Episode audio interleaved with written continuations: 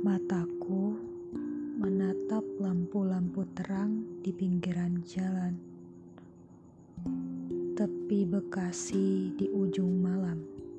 Beberapa angkringan dan ruko yang kesepian.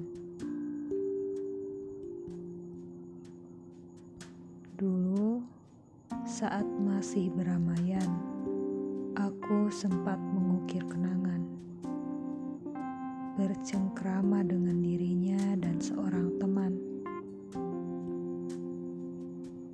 Sekarang rasanya kosong, sepi tak terabaikan.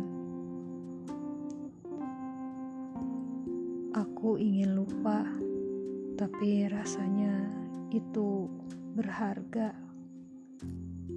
Aku ingin berganti cerita, tapi bagaimana? Bukan melupakan kenangan hanya saja merubah perasaan. Rasa hambar dan mengganjal ini sepertinya perlu berubah haluan. Berubah agar tenang dan nyaman. thank you